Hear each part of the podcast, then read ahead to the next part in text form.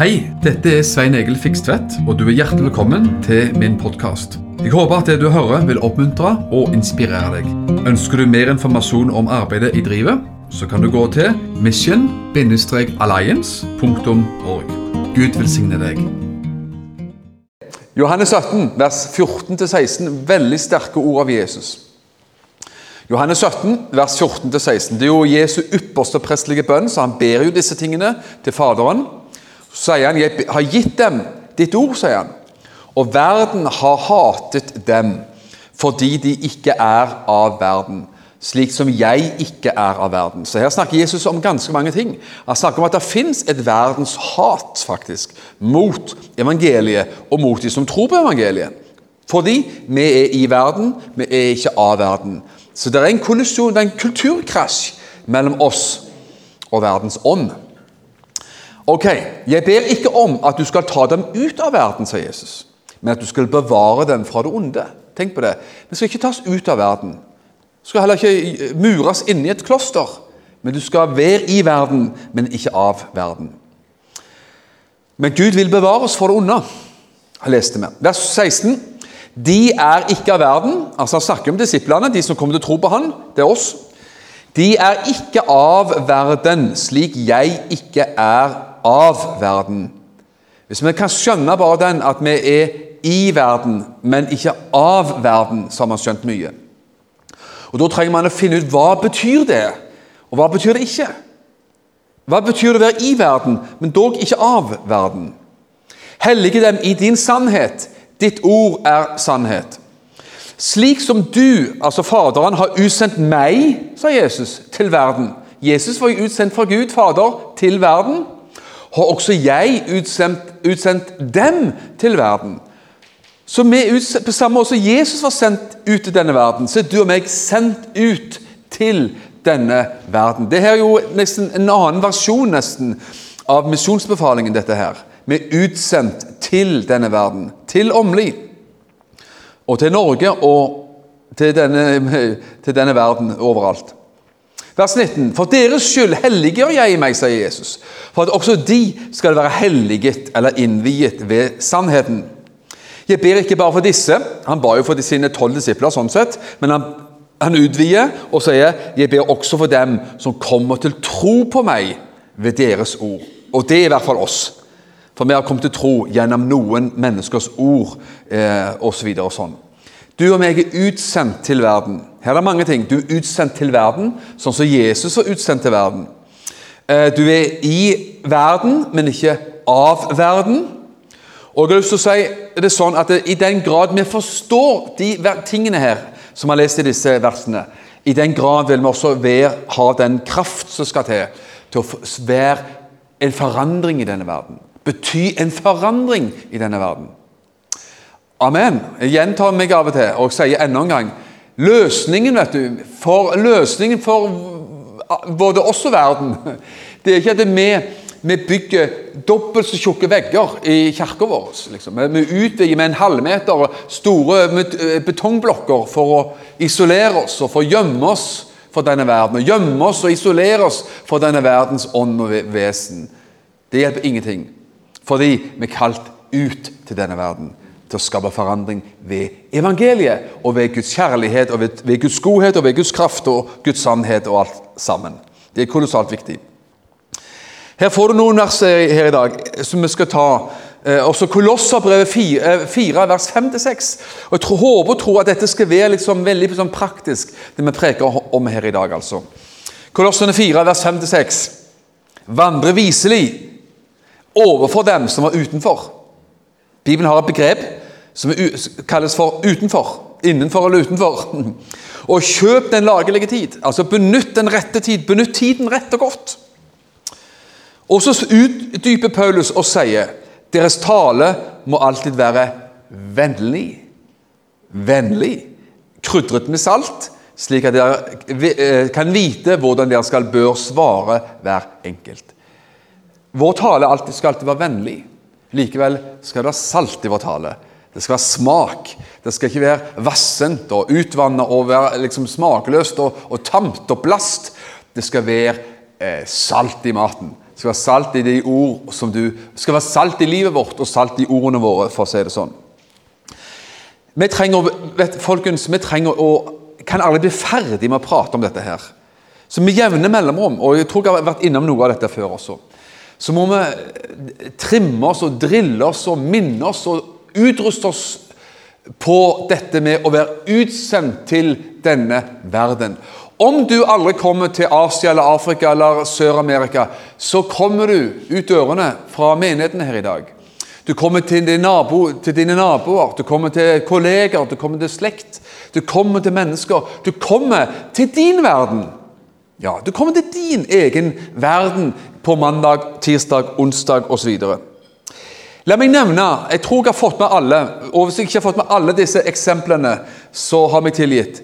Men det fins noen eksempler så jeg vil bare nevne full fart om hvordan Jesus møtte enkeltmennesker. Jesus prekte jo for menneskemengder, av og til for svære menneskemengder, tusenvis av mennesker. Men det er noe spesielt når Jesus møtte og snakka med enkeltmennesker. Hans møte med den enkelte er veldig sterkt.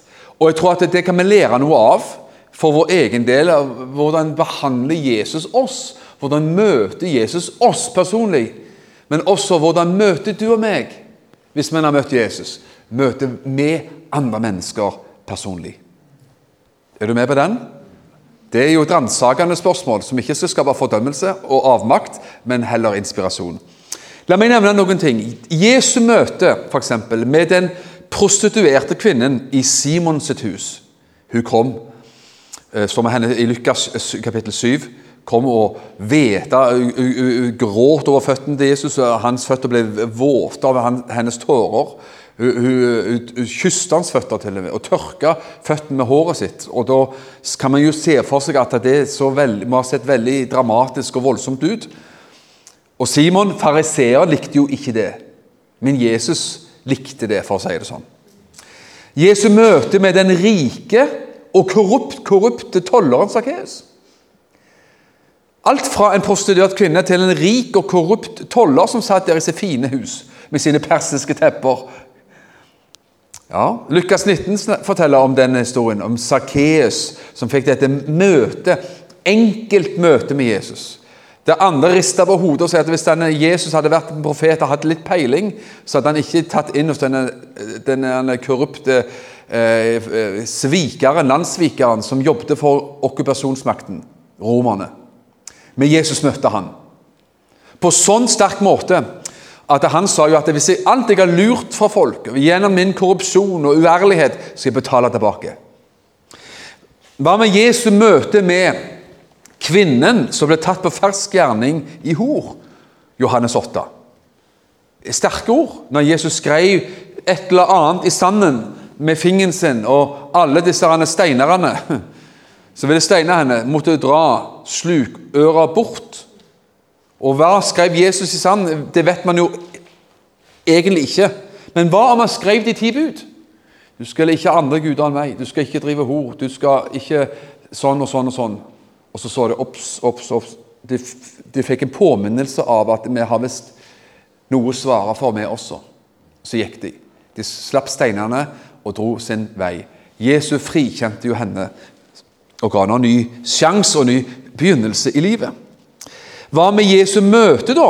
Kan du se forskjellen med alle disse menneskene her? Hva med denne her karen? Jesu møte med den religiøse teologen Nikodemus. En mann som var på en helt annen hylle i livet. Helt annen, en helt annen sjanger i livet enn akkurat liksom ei dame som var betatt på fersk gjerning i hor. Men han også trengte et møte med Jesus. Og han fikk et møte med Jesus på, på, kanskje på en litt annen måte. Men han ble jo åpenbart en etterfølger av Jesus. Det er rørende å lese om Sakkeus, nei, eh, Nikodemus. Nesten rime på rim, disse navnene. vet du. Sakkeus og Nikodemus. Nikodemus som fulgte Jesus til grava, som fulgte og var med, som var, sympatiserte med Jesus. Tok Jesus i forsvar på sin måte. Sikkert ikke den mest frimodige Han var litt motrøst motstemme i Det høye råd. Og, og la han et godt ord for Jesus. Man var gjerne ikke veldig prangende og veldig dominant i sin væremåte, men åpenbart hadde møtt Jesus alene i nattens mulm og mørke på en sånn måte at det satte spor i livet hans. Det er det ingen tvil om. Hva med Jesu møte med den samaritanske kvinnen, da? Hun var ikke jødisk engang. Hun var samaritansk. Forakta på den tiden av jødene. Og altså, Hun møtte Jesus ved Jakobs brønn på en sånn en voldsom måte at du løp inn i byen og måtte bare fortelle alt og alle om sitt møte med Jesus. Nå har jeg nevnt for deg en håndfull eksempler på hvordan Jesus møtte enkeltmennesker. Og Da er det noen ting som går igjen. De ble møtt med kjærlighet, med respekt, med nåde. En ny start. På en måte som gjorde at det helt åpenbart ble en ny begynnelse. Og det skapte en ny livskurs i de menneskene. Ja, Det er Jesus, det, sier man gjerne. Og sånn er Jesus. Ja, sånn er Jesus for oss også. Og for alle som vil. Men vi kalte det følge i hans fotspor. Derfor har jeg lyst til å, ta dette ned liksom bare liksom Anvende det inn i våre liv. Ikke bare si at ja, men det var Jesus, og sitter Jesus på tronen på en pidestall, og så sier man at Jesus, ja, men det var Jesus. Han var jo så fantastisk, og det var han. Men hva med du og meg? Vi er hans etterfølgere.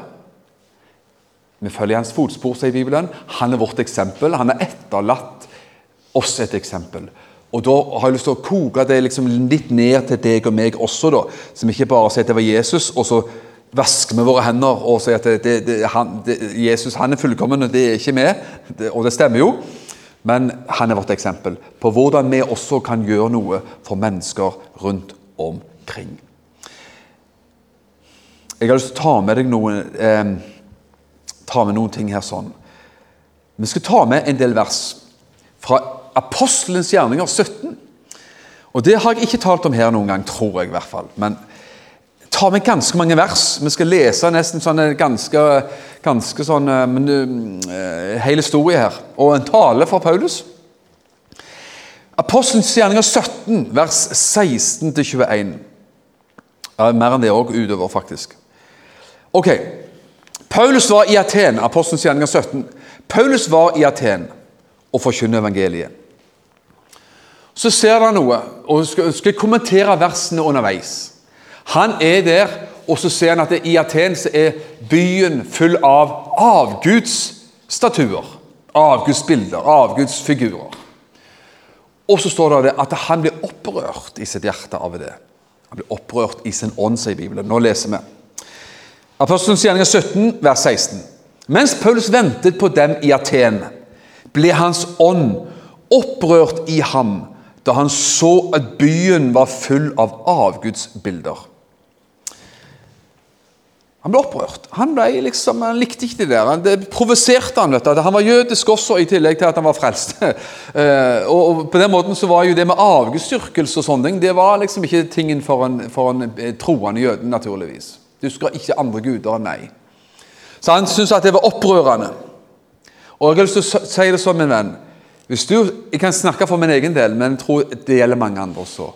Når jeg leser, når jeg ser nyheter, når jeg eh, ser Facebook, når man hører og leser og registrerer all den forandring som har skjedd i samfunnet vårt F.eks. de siste 5, 10, 15, 20 årene på mange ting, så kan du og meg sannsynligvis bli opprørte. Skuffa, provoserte, lei, leie oss og triste. Vi kan bli alt. Er du enig? Jeg skal ikke nevne mer navn enn det, eller gjøre det mer konkret, men du skjønner antagelig hva man snakker om. Man kan bli opprørt og fortvilt eller rasende, eller begge deler. Når Paulus så ugudeligheten i Aten, så ble han opprørt. Men så ser du noe som jeg mener virkelig må være et forbilde for oss. Vers 17. Derfor samtalte han i synagogen med jødene og med de gudfryktige. Og på torget altså Han gikk både til selve synagogen, der jødene var, og så gikk han ut på hvor torget, der folket var. Og han talte daglig med dem som kom forbi. Han talte med dem som kom forbi. Folk gikk forbi. Vi fikk være med på litt av det i Polen, meg og Jan. Vi var annet med på friluftsmøte som var på sånn en eh, sentralstasjon, togstasjon og sånne ting, der folk øh, valsa veldig mye forbi og så videre og sånn. Og fikk prate med folk. Og de hadde også masse andre folk som var, var der i team og, og prata med folk. Paulus samtalte med mennesker. Så han lot ikke at han ble provosert og irritert over det ugudeligheten og elendigheten han så. Det gjorde ikke at han ble bare sittende inne og var sur. Eller skrev masse protestbrev. Eller gikk i protesttog. Men gikk heller ut og samtalte med mennesker. Ok? Og så står det vers 18. Eh, så var det en del av de epikureiske og stoiske filosofer som sa imot ham. Han prata med folk, og de sa imot ham til og med. Og noen sa, 'Hva er det denne pratmakeren vil si?' Andre sa, 'Han synes å være en som forkynner fremmede guder'. Ja da, Han kom med et nytt, evangelium, nytt evangelium, han kom med et annet budskap enn det de var vant med. Han kom med Jesu evangelium. Så de sa at dette er nytt, så han kommer visst med ny lære og preker med ny Gud og litt forskjellig. Han forkynte nemlig Jesus og oppstandelsen for dem. Men kan du se igjen hvor det begynte? Han så avgudsdyrkingen. Eh, han så elendigheten, han så perversiteten. Men han kom i prat med folk. Han kom i dialog med folk. Han kom i samtale med folk. Han kastet seg inn på torget for å fremme sitt budskap. Amen. Det er noe vi kan ta med oss.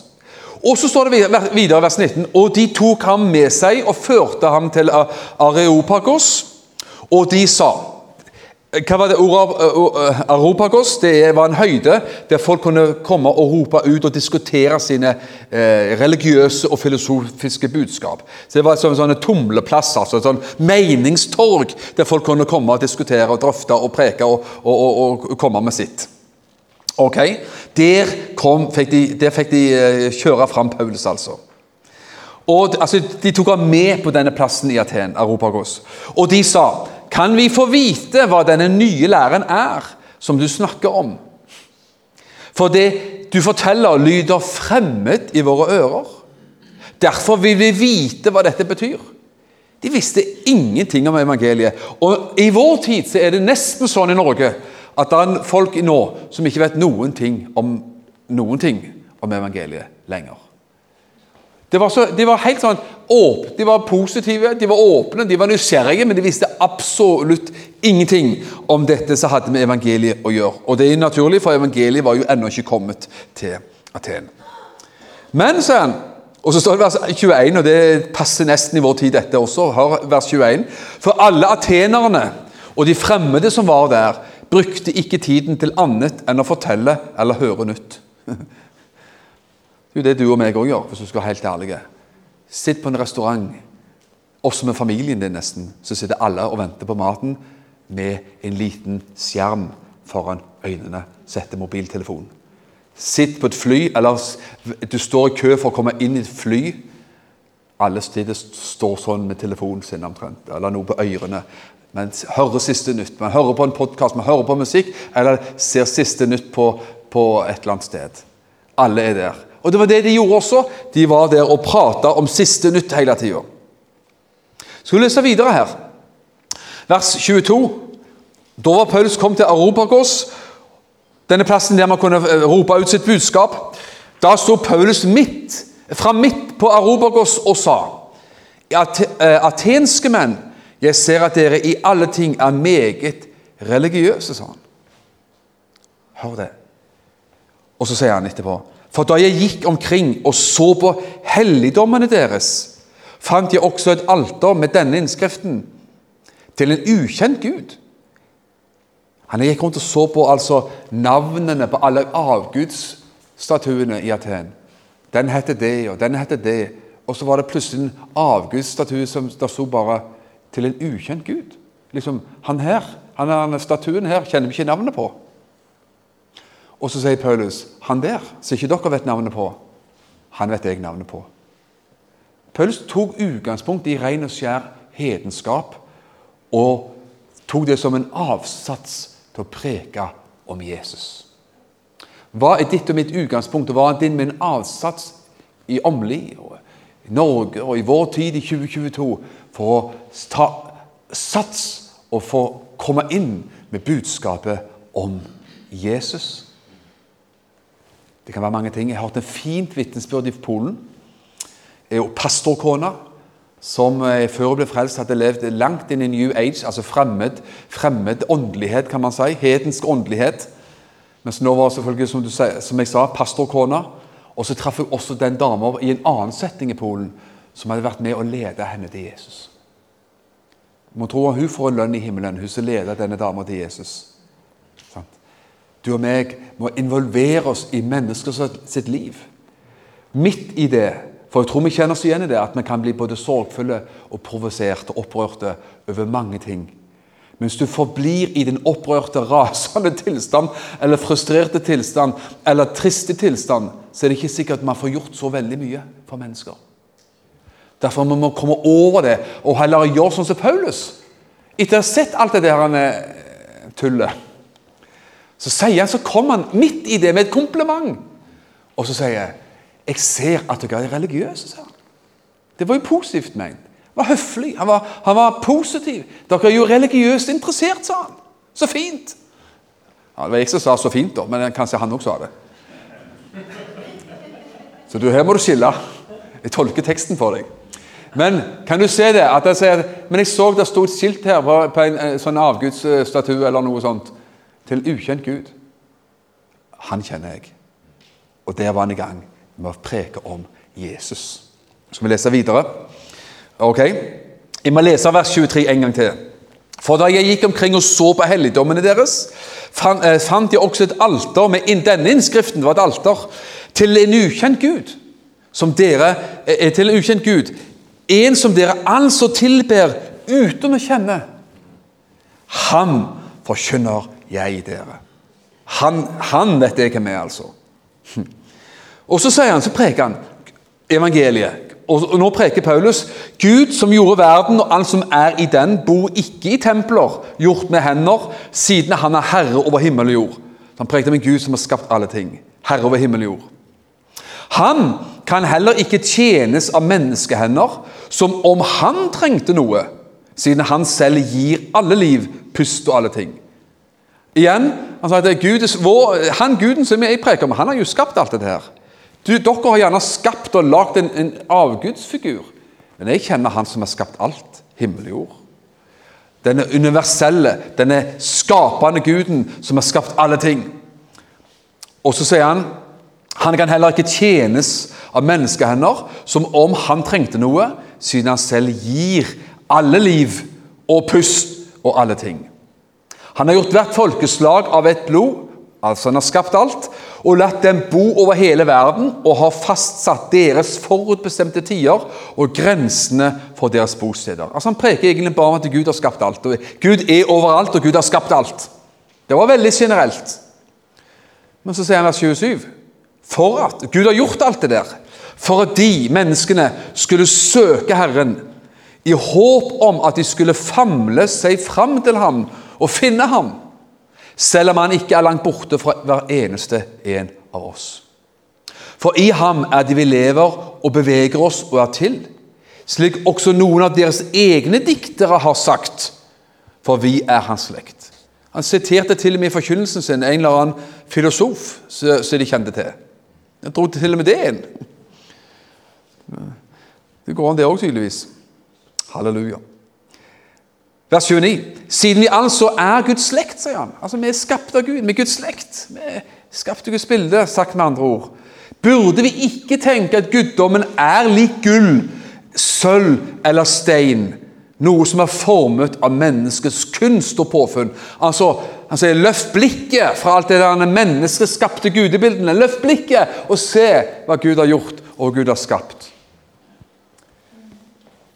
Og så sier han så, og så utfordrer han kraftig også vers 30. Sannelig, sier han, disse uvitenhetenes tider har Gud båret over med. Gud har så langt, sier han, båret over med alt dette tullet her. Det var mine ord, akkurat tull, da. Men nå befaler han at alle mennesker, alle steder, skal omvende seg. Og Da kommer evangeliet. Gud har gitt oss evangeliet. Og han, Det går ut et rop om omvendelse, om forsoning med Gud. La dere forsone med Gud, roper Paulus ut i 2. Korinterbrev kapittel 5. Hva er vårt budskap, min venn? Det er egentlig at vi ønsker å formidle et ord til mennesker. La dere forsone med Gud. Det er jo det som er viktig. Hvorfor? Fordi Gud først har forsonet verden med seg selv. Gud var den som tok initiativet. Han har forsonet verden med seg selv på korset. Derfor så går utfordringen ut til å gi respons på det og la seg forsone med Gud. Vi har blitt forsont med Gud, men hvert menneske må ta imot og la seg sjøl forsone med Gud. Så at Gud befaler mennesker så Paulus sier at nå er det slutt på disse uvitenhetens tider. Nå holder det, sier han. Nå, nå vi, vi slutt på det tullet der. Gud befaler at alle mennesker skal omvende seg. For han har fastsatt en dag, sier han. Han skal dømme verden i rettferdighet ved den mannen som han har innsatt. Og hvem er nå det, tro? Jesus. Han har han gitt grunnlag for å tro dette ved å oppreise ham fra de døde. Som begynner veldig bredt om Gud som har skapt alle ting, men så spisser han det inn mer og mer på Jesus. Gud har oppreist Jesus fra de døde, og Gud skal en gang dømme alt og alle. Og så står det vers 32. Da de hørte om oppstandelse fra de døde Det var nytt for dem. Så står det 'spottet noen'. Spottet. De avviste det. De spotta. Mens andre sa 'Vi vil høre deg tale om dette en annen gang'. Så dro Paulus bort fra dem. Hør en ting. Du og meg må, må jeg tror det, Dette mønsteret her må vi kanskje lære litt av. Det begynner ofte at man ser og blir forarga over ting du ser, leser, hører, og, og over all den for negative forandringen som har skjedd i samfunnet vårt. Og Det anerkjenner vi, og det er vi meget skjønt enige om. Men hvor, hvor går veien vår derfra? Hvor går veien vår derfra? Hvor går min vei og din vei og denne menigheten sin vei derfra? At man bare sitter inne og fortviler eller irriterer seg og rister på hodet. Man må komme forbi det. Man må løfte blikket, løfte hodet istedenfor å riste på hodet. Det var godt sagt.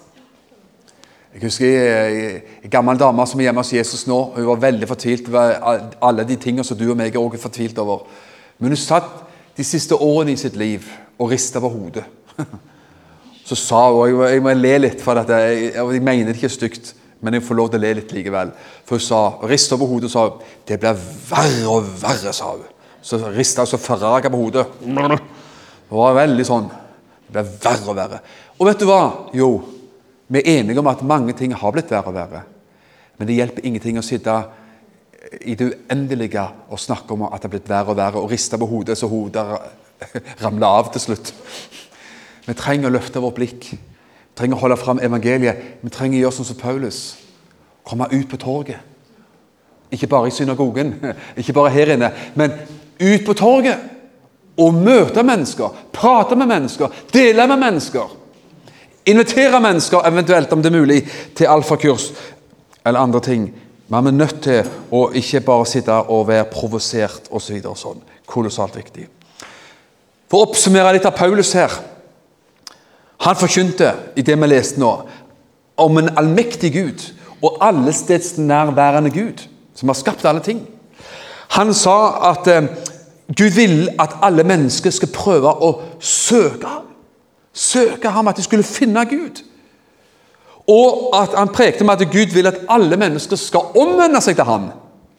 Det leste vi. Han sa også at Gud en dag skal dømme verden ved han som han har oppreist fra de døde. Og vips, så var han også innom oppstandelsen fra de døde og budskapet om Jesus. Og vet du hva? For å være helt sann, ærlig og realistisk Vi leste det også. Noen spotta. Noen avviste og spotta, og det vil også skje for deg og meg av og til. Men andre vil ta imot. Andre sa vi vil gjerne høre mer om dette. Vi vil være med videre. Amen. De skulle, de skulle fått vært med på alfakurs, f.eks. Vil, vi vil gjerne høre mer. Vi vil gjerne vite litt mer. Finnes, kan du tro at det finnes mennesker i der du bor, som er begge deler? Noen vil avvise. Du kan ikke henge deg opp i det heller livet ut.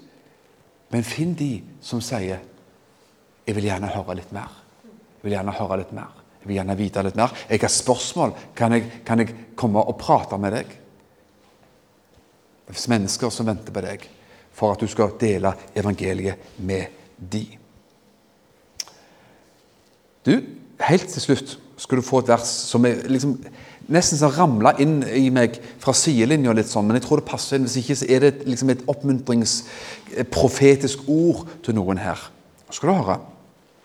Matteus 5, 41. Jeg skal bare ta bare det verset, selv om det er mange gode vers i hele sammenhengen. Matteus i bergprekenen til Jesus. Matteus 5, 41 står det Og den som tvinger deg til å gå én mil, med ham skal du gå to. Det slo meg veldig her i ettermiddag.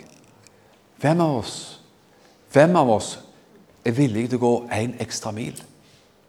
Hvem av oss gidder og vil gå en ekstra mil? Settingen med, å gå en mil det var at de romerske soldater, romerske myndighetene, kunne faktisk, hadde myndighet til å tvinge hvem som helst til å bære til, til å bære en bør, bære litt bagasje. Til, en mil, faktisk. En viss distanse. Du kunne bare ta hvem som helst. Vi trenger hjelp. Du hjelper oss. Vi lesser på deg et eller annet her, og så går du en mil. Det hadde de lov til som, som okkupant. Romersk okkupant.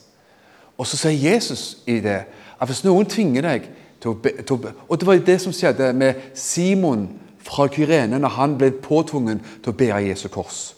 De bare fant en mann. liksom, to, Han der karen her han kan hjelpe Jesus med å bære korset. Så han slenger meg på korset, så får han bære det for Jesus.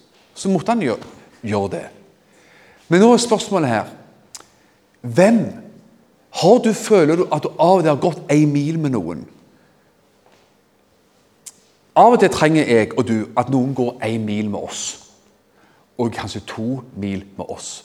Hvis livet er vanskelig, livskrise eller andre ting, så er det godt hvis du skjønner billedspråket, at noen går en mil sammen med oss. Når distansen i livet er vanskelig. Mm. Og Det har vi trengt alle mann, tror jeg. Og så er det jo sånn at det finnes mennesker, enten her iblant oss her i dag, eller der ute, som trenger du og meg til å gå ei mil sammen med dem. Fordi de trenger det. Det er tungt og vanskelig å gå alene. Og ikke bare det. Og da spørsmålet spørsmålet hvem av oss i tillegg er villige til å gå ikke bare én mil, men også en ekstra mil. For det var det Jesus sa. Hvis noen tvinger deg eller spør deg om å gå en mil sammen med dem, kan du og meg av og til være med også å gå en ekstra mil med noen. Jeg tror at det skal være et oppmuntringsord her mot slutten av det jeg sier. Og Jeg vet at noen her har også har gjort eh, virkelig hederlig innsats for andre mennesker. For å følge dem med på veien, følge dem på troens vei når de var nye på veien. Mennesker som har mye dårligere utgangspunkt enn mange mange andre osv. Og så har man stilt opp kanskje dag og natt, i tide og utide, for å hjelpe mennesker opp og fram og videre. Og vet du hva? Jeg er så sikker på at Gud vil bruke hver eneste en av oss til å gjøre akkurat det. Tenk på hun igjen, hun i Polen, da, siden jeg har, vi har snakket litt om Polen her i dag. Hun som fikk lede denne dama som hadde vært så inn i New Age til Jesus. Og så er hun i dag pastorkone. Ja, tjener i en menighet og virker for Gud osv. Amen. Og Det kommer ikke rekende på ei fjøl, som man sier. Det kommer ved at noen vil bry seg, involvere seg, forkynne litt, og dele litt og be litt, og, og, og bry seg med andre mennesker. Og Hvis det jeg kan ha prekt om her i dag, kunne være liksom, ha en, en, sånn praktisk tilnærming, sånn at det kan, det kan utfordre enhver av oss og, og til å spørre oss hvilke mennesker skal jeg involvere meg med i mitt liv? Hvilke mennesker skal jeg nærmest adoptere inn i mitt hjerte? Til å gjøre noe for, gjøre noe med, gå en mil sammen med. For at vi ønsker at de skal finne Jesus, finne evangeliet. Men selv om, om de i så fall ikke fant evangeliet, så var de verdt, vår hjertelige involvering likevel. Det er òg viktig å si. Skjønner du? Det var en som sa det, Jeg hørte en predikant som sa det, fortalte det, og det var, han hadde opplevd det. En, en mann fra gata som hadde levd et vanskelig liv i rus, som sa til en annen kristen, sa han du, sa han, du er ikke interessert i meg, sa han. Du er bare interessert i sjela mi, sa han. og det må vi ikke være på, at vi er interessert i sjela til folk for at vi skal krysse av at sjela har blitt frelst. Det er det viktigste for oss. Men vi elsker alle mennesker betingelsesløst. Veldig viktig. Takk for at du har lytta til denne podkasten. Jeg ønsker deg en velsigna god dag.